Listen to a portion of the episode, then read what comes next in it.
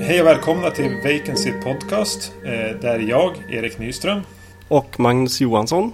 Mm. Det här är alltså vårt premiäravsnitt, vårt eh, första avsnitt. Eh, vi kommer väl förhoppningsvis att eh, kunna erbjuda flera avsnitt framöver. Eh, det kommer huvudsakligen att vara film vi pratar om. Eh, förmodligen skräckfilm, genrefilm, det vi tycker är intressant. Vilket oftast är skräckfilm. Ja, precis. Tänkte inte förspilla så mycket tid med att prata om vilka vi är eller våra planer för eh, programmet utan vi kommer väl ganska raskt att försöka gå in på de första filmerna vi hade tänkt prata om under det här avsnittet. Och vi kanske ska, vi kanske ska säga vilka, filmer, vilka båda filmerna är och vad, vad som är det tilltänkta temat här. Ja, precis. Vi har ju sett två, ja vad ska man säga, onda, onda barnfilmer här. Ja. Eh, vi, har, vi har sett två remakes. En eh, som heter Children of the Corn. Som är en slags en tv-film av ja, originalet och Stephen Kings eh, roman va? Ja, eller kort berättelse. Ja, det är kanske en kort berättelse. Ja. Och så har vi sett eh, John Carpenters Village of the Damned. I båda de här filmerna så är det ju onda barn som är temat. Men vi tänkte väl börja med, med Children of the Corner. Ja. Vi valde väl eh, den lite grann för att vi har ju båda sett väldigt många av de här Children of the Corn-filmerna som har kommit och eh, missat den här remaken hittills. Men eh, såg det här som en chans att se den. Den är från 2009 den här remaken. Eh, originalet tror jag är från 1984. Och sen är det väl en 6-7 uppföljare som har kommit däremellan. Och jag är ganska säker på att vi har sett alla. Ja, Som blev ett litet, litet tema för oss.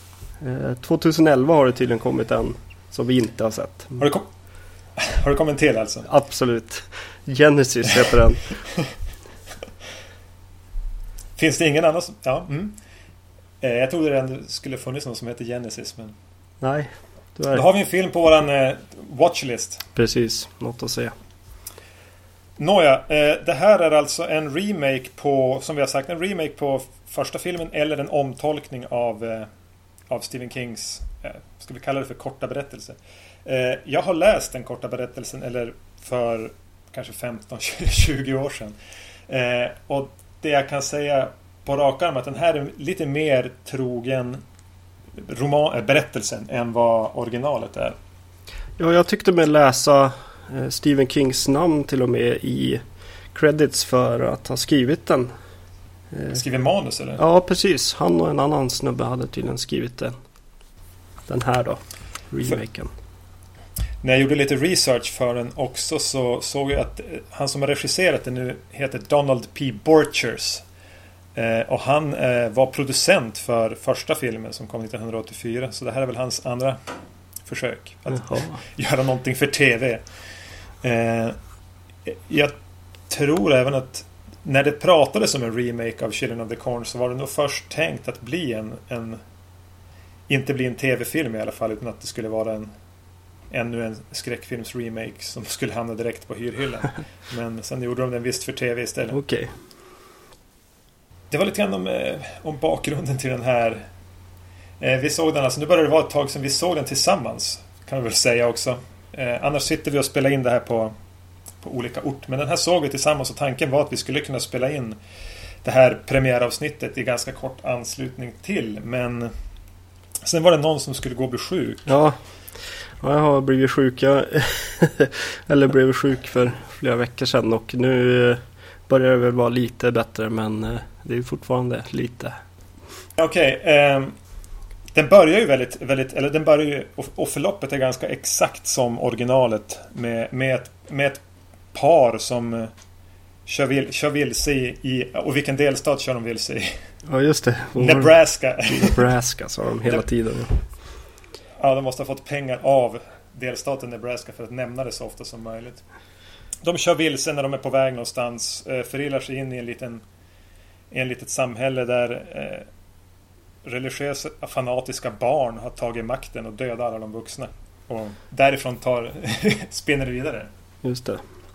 Ja, det kändes ju ganska tidigt som att den inte riktigt var i samma klass kändes det som. Som originalet. Kändes lite styltigt och så. Ja, minst. Det de har gjort där är en, en skillnad från eh, boken, om vi kallar det för boken här efter.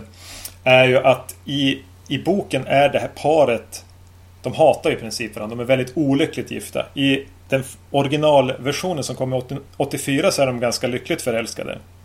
Här hade de gått tillbaks till det här att de tycker genuint illa om varandra. Och det blir ju ett, det är helt sanslösa gräl de har med varandra egentligen i bilen. Ja. För, för ganska snart kör de ju på en, en, en av de här barnen. Eh, som de kör på och kör ihjäl. Den ganska eh, olika Men eh, det hindrar dem liksom inte från att gräla och vara riktigt jävla elaka med varandra. Nej, eh, och jag vet, reflekterar över det på ett...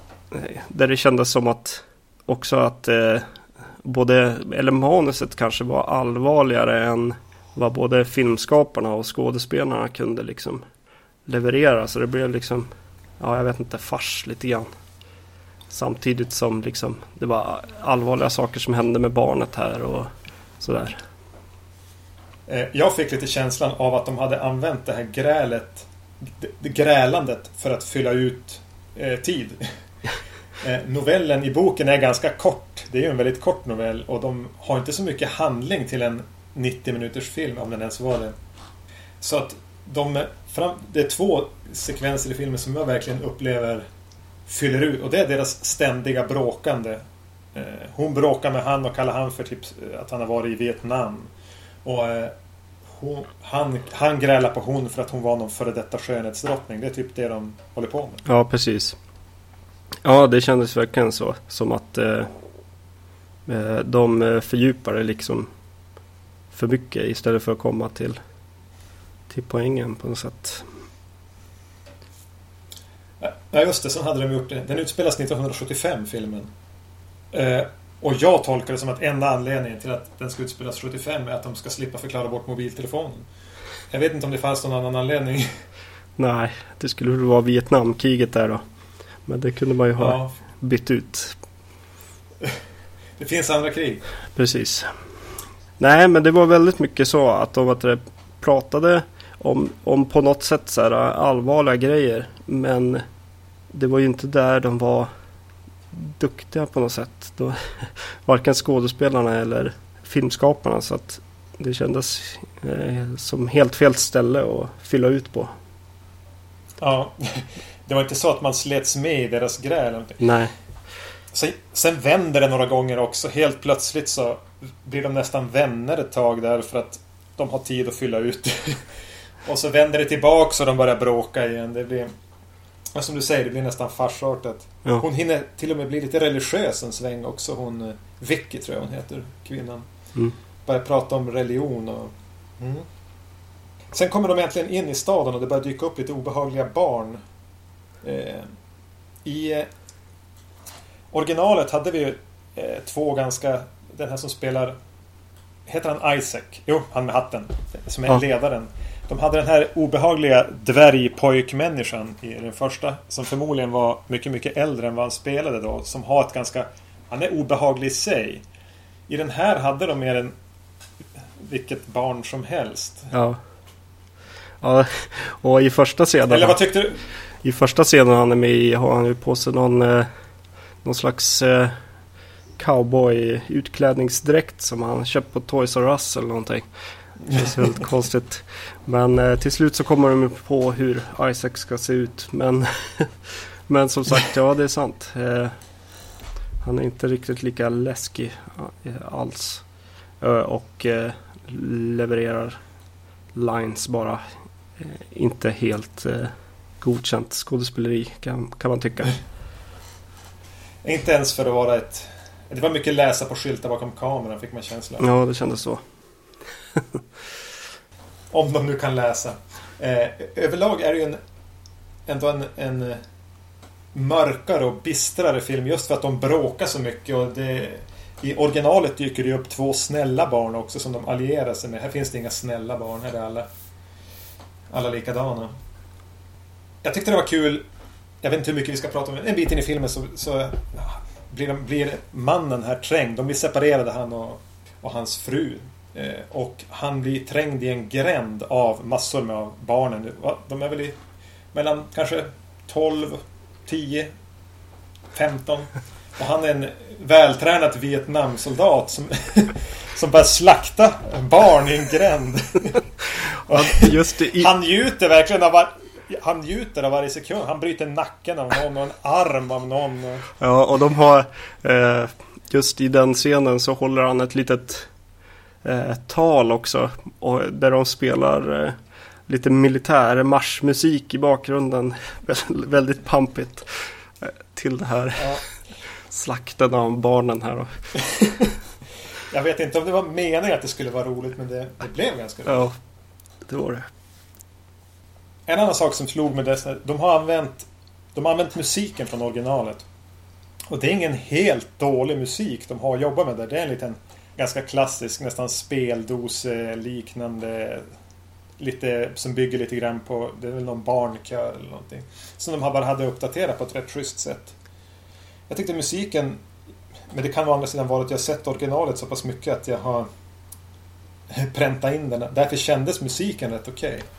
Men det var ju å andra sidan att ta något som redan fanns. Ja, något som inte var okej okay dock, det var ljuddesignen och ljudeffekterna. De eh, tog i verkligen från tårna när de skulle ja, vända på lik och vad de gjorde. Jag, eh, jag tänkte att du skulle säga det när de vänder på den här pojken och kör över så låter det verkligen som att han bryter av ett knippe spagetti eller något. Det knastrar och... Ja. ja. Och de lägger ljud på det väldigt mycket, mycket så här. Oj, det... Ja, jag vet inte. Det är väldigt höga, starka ljud på en del grejer som liksom bara är i förgrunden eller i bakgrunden liksom. Ja, det är väldigt konstigt ljuddesignat. Uh, och jag sa det att om det, det, det, finns två saker som filmen fastnar lite grann på tycker jag. Eh, det ena är då att de ska gräla så fruktansvärt mycket. Och det andra är att eh, mannen här mot slutet av filmen hamnar i ett eh, majsfält. Då. Och mm. där kryper han omkring. Hur länge som helst. Han får Vietnam-flashbacks och han är jagad av barn och han bryter väl nacken av ett till barn där tror jag. Något lite mindre barn också. Ja. ja. Ett eh, åttaårigt barn kanske. Uh, ja, jag tyckte faktiskt att uh, idén med Vietnam flashbacksen han, han möter folk i maj, majsfälten som uh, i full Vietnam-mundering som visar honom vägen eller vad man ska säga. Det tyckte mm. jag var en rolig idé men den är verkligen dåligt utförd. Det ser verkligen hemskt ut. De har gjort någon, någon slags eh, Scott Trails som ser hemska ut där. Eh, mm. Det var lite kul, kul idé men det skulle leda någonstans också. Ja, det leder ju ingenstans. Han, han, springer omkring där och det är mer att han är där för att döda lite tid innan eh, slutet. Mm. Eh, utan att spoila någonting. Du, eh, slutet var ju inte ett slut utan mer en avtoning. Ja. Och sen fick vi eftertexterna. Och sen, det var ju ren tur att vi inte slog av filmen. Eller jag vet inte om det var tur. Men vi satt och pratade lite grann under eftertexterna. Och om ni nu ser den här filmen, eh, slå inte av. Eller gör det. Men efter eftertexterna kommer det nämligen mer scener. Ja, bara mer scener. Som jag inte riktigt förstår. Ja, verkligen. Det är bara mer scener. Det är, inte, det är ingen twist, det är ingen knorr, det är ingenting som ändrar någonting eller överraskar någonting. Det var som bara några scener till. Ja, precis. Eh, sen, eh, ja, jag tycker det är så roligt i, i just de här eh, uh, Children of the Corn-filmerna så får man alltid, alltid någon gång mot slutet så börjar jag, börjar jag tänka så här. Eh, undrar om jag, om jag skulle vilja se den här guden. Undrar om, om man skulle vilja se ett stort jäkla monster eller inte och sådär. Det, He who tror... walks behind the rose. Uh. Ja, precis. Egentligen i alla de eh, Children of the Corn-filmerna så kommer det en punkt där jag börjar så här, tänka på, på det där. Ville du se ett monster här? Ja, alltså. Nah, nej, det skulle jag nog inte ha velat. Det är nog inte den, den Children of the Corn direkt, men eh, ja.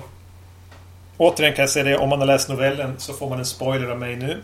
Att eh, slutet på den här är även mer i, i, i samklang med slutet i, i novellen. Så den här är på det hela taget betydligt mer lik novellen. Men en betydligt sämre film än originalet. Okej. Okay. Ja, jag vet inte. Tycker jag. Har du... Har du jag eh, svävar iväg här lite grann. Men eh, har du sett eh, den här The Shining eller någon av de tv-produktionerna som, som Stephen King själv har varit med och producerat lite? Jag har sett, jag tror jag har sett tv-versionen av, av uh, The Shining med han från uh, Vingar eller vad det hette. Ja, just det. Men hur var det där då? Var det, var det samma sak? Att han, han försöker liksom styra in det mer mot vad han faktiskt har skrivit eller? Ja, det, oftast blir det ju tv-anpassat. det oftast blir det gjort för tv precis som det här. Men den är verkligen det, följer med, det följer boken mer och det blir en sämre ja. Eh, upplevelse att titta på. Så Stephen King skrivböcker eller? skrivböcker. uh, då ska vi se. Ja, nej, jag tyckte inte heller den här riktigt var, var så himla mycket att ha. Uh, det blev liksom, ja den, den är både liksom mörk i vad den, ja den borde vara mörkare. Men det blir liksom bara komiskt av det hela och han blir jagad. Det blir lite så här Benny Hill eh, jag där ett tag och ja, jag vet inte. Det känns inte riktigt som... Om man tänker att, att Benny Hill även bryter nacken av små barn. Precis. Ja, nej, man kan väl säga att de tog, de tog sig lite vatten över huvudet. De försökte göra en för allvarlig och mörk film mot för vad de egentligen klarade av. Ja, det känns som de skrev en mörk film och gjorde en lättsam film. Till, lite konstigt. Ja. ja, det är väl egentligen den, eh, det som finns att säga om en, den här remaken på Children of the Corn. Vi får väl se om vi tar itu med Children of the Corn eh, Genesis, heter den så? Ja, precis. 2011 kom den. Vi ska inte lova att vi kommer att göra den i ett senare Nej. avsnitt, men vi kan väl då raskt gå över till eh, våran nästa film. Ja, precis. Village of the Dam då. Och eh, ja, lite efter att vi såg Children of the Corn så började vi fundera på någon eh, film vi kunde se som hade lite, lite samma vibbar. Något tema. Ja, precis. Och sen är det ju alltid kul att få prata om en John Carpenter-film. Precis. Det kommer vi kanske att göra igen. Du har inte sett originalet här? Nej, det har jag inte gjort. Nej. Eh, det är alltså en brittisk skräckfilm från 1960. Jag har sett den, det var väldigt länge sedan. Jag kommer inte riktigt ihåg den. Men eh, som jag minns den så är den, det är, det är i princip samma story fast den utspelar sig i England. Okay. Eh, och eh, 1995 gjorde då John Carpenter en remake på den här. Storyn kortfattat kanske.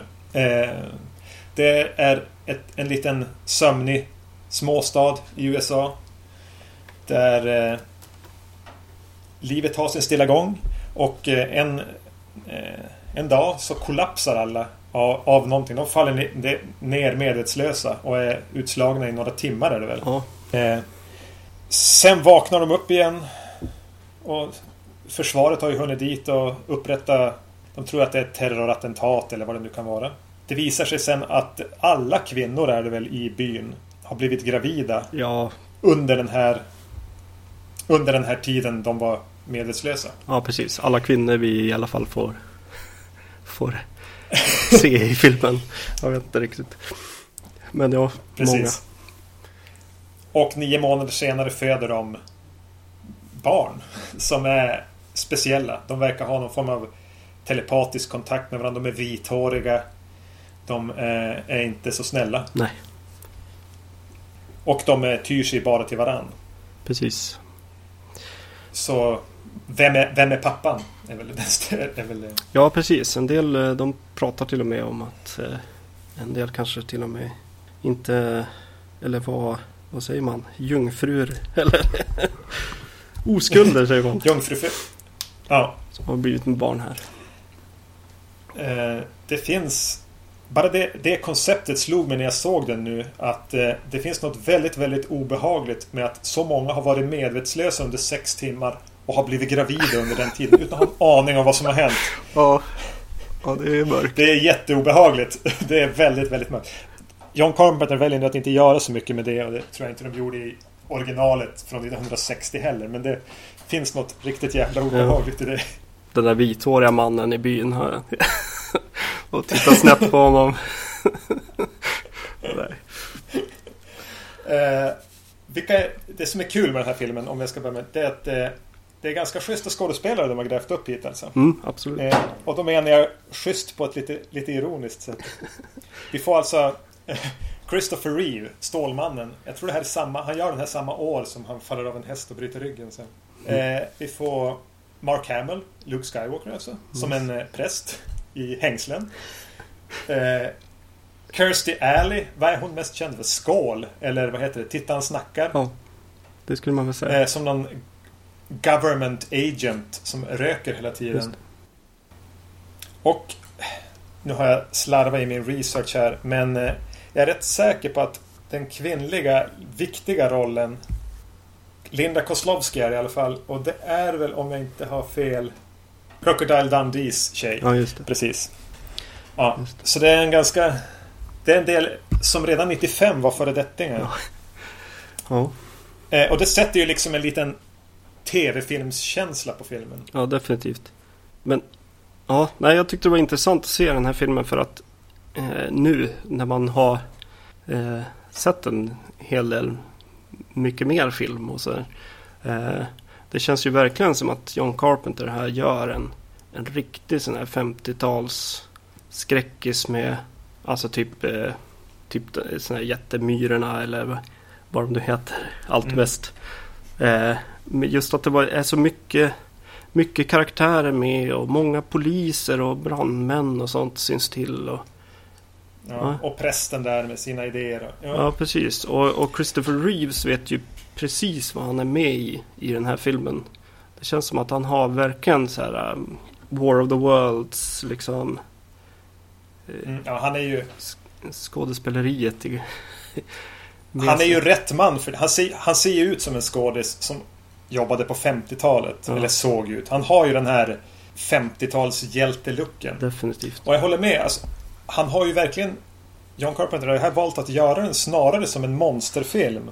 Än som en psykologisk... Ganska snabbt så avklarar de den här biten med att föräldrarna tycker att... Eh, och det är inte så mycket av den här biten med det psykologiska med att de ser sina barn. Kan, kan en förälder vara rädd för sitt barn? Den biten är, tycker jag i alla fall är ganska kort. Ja. Först händer incidenten, sen får vi en kort liten bro där och sen är barnen monster. Som har staden i sitt våld i princip. Mm. Ja, som du säger, han gör den här på, på ett ganska intressant sätt ändå. Ja, nej, jag gillade verkligen att det var just, just det här med hur mycket folk det är och hur mycket eh, hur många som känner till allting. Liksom. Allt är framme och synligt liksom. Mm. Ja, just det. Hela staten och the government med Kirsty Alley i spetsen känner ju till och har liksom, de är där och bevakar allting. De har Det är ingen hemlighet det som har hänt här. Det är en statsangelägenhet snarare. Ja. Ja. Jag minns att vi såg den här när den var ganska ny. Jag skulle tro att vi hyrde den du och jag. Ja. Eh, och sen såg vi den igen för några år sedan. Tillsammans igen. Vad jag minns i alla fall. Och så såg jag, så jag skulle säga att det här är tredje gången jag ser den. Och om jag ska gå in på vad jag tänkte då var att det här är nog, jag vet inte om det är något som har hänt med mig under tiden eller om eh, det är en film som kräver tre, men jag, jag, har aldrig tyckt så bra om den som den här gången. Nej, precis samma sak upplevde jag också. Jag, jag, eh, just innan filmen så började jag, tänka, eh, började jag titta på vad John Carpenter hade gjort tidigare och började tänka i, i tankar som att eh, är kanske Village of the Damned liksom startskottet för Carpenters här kreativa torka egentligen. Ja. Eh, eh, filmen innan var ju In the Mouth of Madness som jag gillar väldigt mycket.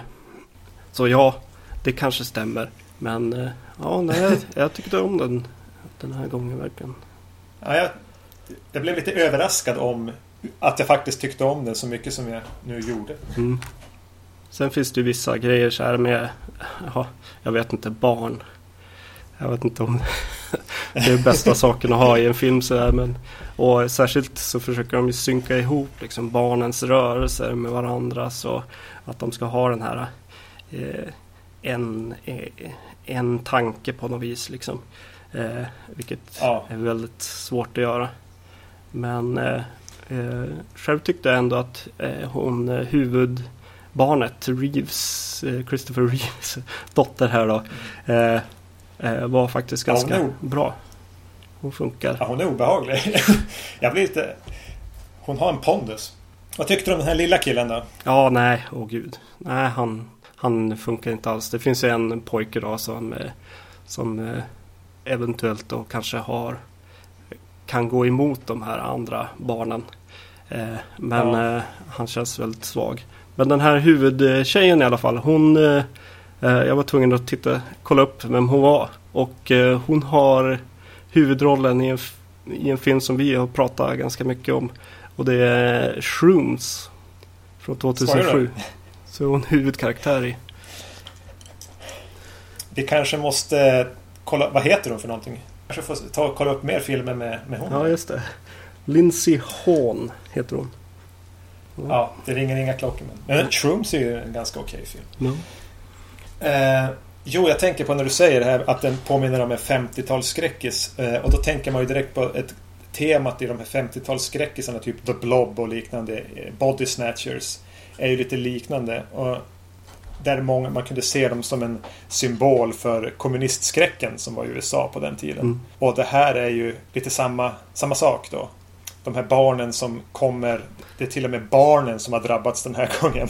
Och eh, de har ett enda, ett kollektivt medvetande och det, de ser ut som vi nästan. Men, så det är ju en ganska tydlig hommage till... Ja, absolut. Och de försöker liksom eh, få barnen att släppa det här. Och att, att man måste få vara individer och, och tänka och känna själv. Liksom. Vad tyckte du om skådespelarna här då? Det finns ju några som är ganska kul här. Vi, jag tänker på Christopher Reeve. Ja, jag tycker han funkar ganska bra. Och ja, Kirstie Alley är väl... Ja, men hon funkar väl också i sin roll. Det är väl, eh, det är väl egentligen Mark Hamill som är lite så här... Kände du att de hade gett han lite för fria tyglar? Eller de, John Carpenter? Ja, det känns som det att... kändes som... Det känns som att det är... Eh, han är ju voice, voice actor mest. Eh, och det känns som Ja. att han är voice actorn Mark Hamill när han spelar på något sätt. Han tar det liksom lite extra långt liksom. Eh, men eh, jag kände också att hans karaktär hade, hade försvunnit lite. Hans, det känns Han som att hans... Kändes nerklippt. Ja, det känns som att hans fru har varit med om någonting och har blivit liksom väldigt apatisk. Jag vet inte, det kanske var någonting jag missade Ja, där. Liksom. nej, men jag, det, det kändes som att det är, en, det är en story som är vidare än vad som rymdes. Jag vet inte om de trimmade manus eller om de klippte bort scener eller... Nej, precis. För helt plötsligt dyker han ju upp och liksom... Ja, ja han eh, ska ju döda de här barnen, har han tänkt. Och eh, den motivationen är liksom... Den är, Den, kom, den kommer väldigt snabbt. ja, precis. Definitivt. Men han är ju rolig att titta på tycker jag. Det är ändå Luke Skywalker i prästkrage och hängslen och liksom, han tar i från tårna. Han, som du säger, han är ju mer en röstskådis på bild Ja. liksom. Medan de andra spelar ju, ligger ju på en ganska så här, kylig nivå Ja, i, i, i sitt skådespelande. Eh, det var en sak jag tänkte med Kirstie Alleys karaktär. Eh, jag tänkte direkt att det här, det här, den här rollen är skriven för en man. Sen har de satt Kirstie Alley i rollen. mm, För hon, hon knallar omkring och röker på sjukhus och är eh, kylig och cynisk och väldigt, väldigt känslokall. ja. Och, och, och, och är ju liksom en government official. Alltså hon, hon är i filmen som en government person. Inte i något sätt i egenskap av kvinna. Nej. Utan hon har inga typiska kvinnliga egenskaper som de brukar gilla att använda i filmer. Och jag tyckte det var ganska... Det känns lite John Carpenter att göra så. Han, han kan göra kvinnor som är hård... Han är nog nästan bättre på att göra hårda kvinnor än, än hårda män. Ja. Alla Snake Plissken-fans Ja, just det. får väl, skri- får väl mejla in och... Ja, det är bra. Sen tänkte jag säga om, om eh, Reeve i huvudrollen. Eller huvud... Ja, ska vi säga att han är huvudroll. Jag har just suttit och sett eh, Stålmannen-filmerna Mm, Okej. här senaste veckorna. Och eh, jag har aldrig riktigt tagit Christopher Reeve på allvar. Jag har tänkt han lite grann som... Jag vet inte. Bruce Campbell eller... Alltså någon sån här som är... Har en käke Ja, och, och är vältränad och, och lite stilig. Men han är... Han är faktiskt riktigt bra i Stålmannen-filmerna. Både som Stålmannen och som Clark Kent. Och han tycker han gör ett bra, bra här också. Ja. Ja, jag gillar det. känns som att han sätter den här 50-tals liksom eh, rymdinvasionsfilmen väldigt, väldigt bra. Mm. Så slipper John Carpenter göra den i svartvitt eller något sånt. Ja, men den är väldigt... Det jag kände också var ju att den, den är väldigt barntillåten samtidigt som det handlar om barn som är onda och sådär. Eh, Det är inte riktigt så här ja, en massa blod hit och dit. Förutom en viss sak och det är brända, brända kroppar. Mannen på grillen. Ja, mannen Ja. på grillen och eh, eh, en kvinna senare i filmen också som, som brinner upp. Eh, Ja, det är, det är sant. Det, jag skulle säga att den är nästan inte en droppe blod. nej. Men det är, Men det är... ja, det är kul för jag, jag tänkte på Star Wars när vet du, de här uh, Aunt Beru och vad de heter. De ligger br- brända utanför. Där det känns som det är lite för att han kanske tog i där. Eh, och I den här filmen känns det lite likadant att så här, oj, oj vad de var brända de där. När, när Mm. inget annat liksom blod eller så syns till. Jag undrar om det finns någon regel om blod men ingen som riktigt... Nej, jag vet inte. Det är kanske bara John Carpenter som har roat sig. Ja, Men eh, den ger ju samtidigt ger ju filmen ett litet, litet tamt och trött intryck. Alltså om man tittar på Mouth of Madness nu som då kom, var det året innan Ja. eller filmen. Så är det verkligen en, ett idéfyrverkeri. Det är ju mer en vansinnig film. Med inspirationer och idéer och visuella grejer. Den här känns ju kanske medvetet ganska sval. Och lite tv-film.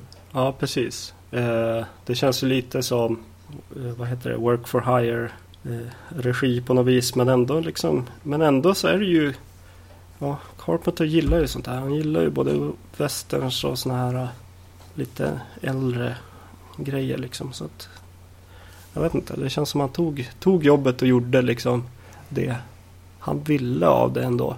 Även om folk Mm. kanske inte skulle komma och uppskatta det 2000. Nej, vad var det? 95 menar jag. 90, Ja, Den var väl lite grann i det här vakuumet, skräckfilmsvakuum också. Alltså mellan 80-talet och slasherfilmerna som kom då och det här lite glada 80-tals mm, eh, fram, fram till Scream så var det ju ett litet vakuum där det kom med några skräckfilmer lite av varje sådär. Det var ingen speciell stil eller det var ju Sen kom Scream-filmen och sen kom Asienvågen och de här nya splatter och nya zombiefilmer och allting. Medan den här ligger i det här när skräckfilmen kanske sökte efter en identitet där de den nya typen av skräckfilm. ja, Samtidigt som ju John Carpenter oftast har, verkar vilja göra någonting i varje genre. Eller i alla fall ville han det förr. ja, Men jag kan hålla med att här, här vill han fortfarande. Det här var vad han ville göra för typ av film. Sen kanske det inte är en helt bra idé. Men alltså helt bra film. Men samtidigt så var den betydligt bättre än vad jag mindes den som och trodde att den skulle vara. eh, ja, Musiken. Eh, John Carpenter gör ju alltid, alltid, nästan alltid musiken till sina filmer. I den här fanns det två grejer där jag tänkte på musiken. Först är det när de, innan allting har börjat hända, så är de på en sån här county fair. Så är det någon sån här gitarr. Jävligt slött git, akustiskt gitarrplockande. Som, jag, som lät ungefär som någon som hade satt sig och prövade gitarren och sen skulle börja spela. Men han satt bara och prövade. Och det var tydligen musik. Jag trodde att det var någon på den här marknaden som skulle spela någonting. Men det var bara det här. Och det slutade aldrig. Han satt där och prövade ett halvt fruktansvärt irriterande musik. Men sen mot andra halvan av filmen, mot slutet, så får, kommer det ett ganska typiskt John Carpenter score. Ja. Som var väl rätt okej. Okay. Ja, det måste man säga. Inte alls bästa, men bättre än mycket annat inom genren. Mm. Ja, vad var bästa scenen då? Bästa scenen i filmen? Ja.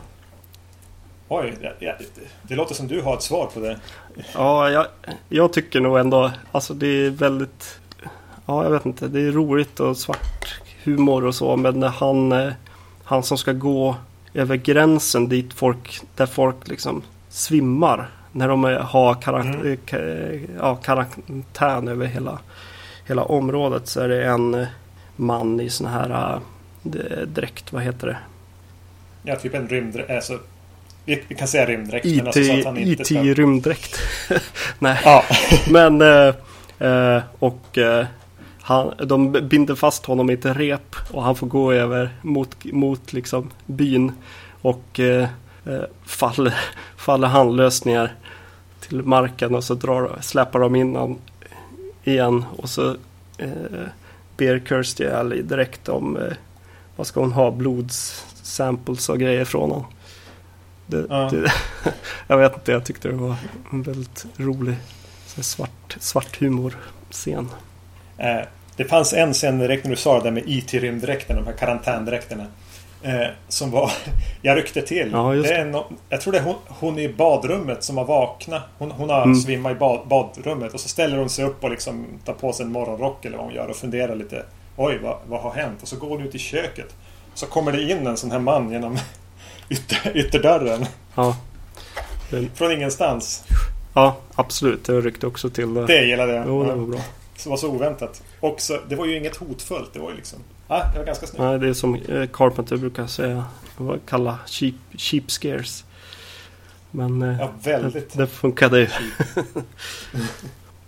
Men sammanfattningsvis en, en liten överraskning. Ja, absolut. Att se om. Så om man såg den när den var ny och tyckte den var lite trist så kan man ge den en till chans. Ja, precis. Jag. Ja, jag tror mycket att man har eller för mig i alla fall från första gången jag såg den, att, att man har en lite bredare syn på vad som finns i skräckgenren och sånt där. Och det är lite grann som att man ska eh, jag tänkte att man ska se Ghosts of Mars som en western. Så ska man se det här som en... Man ska inte se det som obehagliga barnfilm utan snarare som en 50-tals ja. sci-fi... Sci-fi monsterfilm. Monsterfilm. Ja. Absolut. Men eh, det var vårat, eh, våra två premiärfilmer. Ja. Sen får vi väl se hur våra, hur våra avsnitt kommer att utvecklas. Om vi kommer att göra två filmer, om vi kommer att göra temaavsnitt, om vi kommer att ha tre filmer, om vi kommer att ha ett avsnitt för en film. Men eh, grundtanken är väl att vi ska köra två eller tre filmer per avsnitt beroende på, på filmer och tid och utrymme. Och försöka få en kontinuitet i att få ut våra avsnitt också. Precis. Mm. Men eh, om det nu är någon som lyssnar på det här så besök gärna hemsidan på vacancy.se. Eh, man kan gå in och likea oss på Facebook så kommer vi att eh, se till att uppdatera där när vi har ute en ny podcast eller om vi har ute någonting annat av intresse. Vi har en e-postadress. Podcast.vacancy.se Frågor, feedback om det är någon film som ni tycker att vi bara måste prata om. Ja, precis. Och vad som helst. Får vi in fanmail så kommer vi Törs vi lova att vi kommer att läsa upp det på, i, i podcasten? Ja, precis. Det är det vi ja, hoppas på. Eh. vi ska få, få prata lite eh, direkt med de som lyssnar också. På något sätt. Ja. Via de här mejlen då. Så skriv in till oss. Vi, vi lovar att svara på något sätt. Och ja, vi hoppas väl även på att få ut ett till avsnitt om inte allt för lång tid. Men det var, det var första avsnittet av eh, Vacancy Podcast. Tack för att, eh, tack för att ni har lyssnat. Hej då! Hej hej!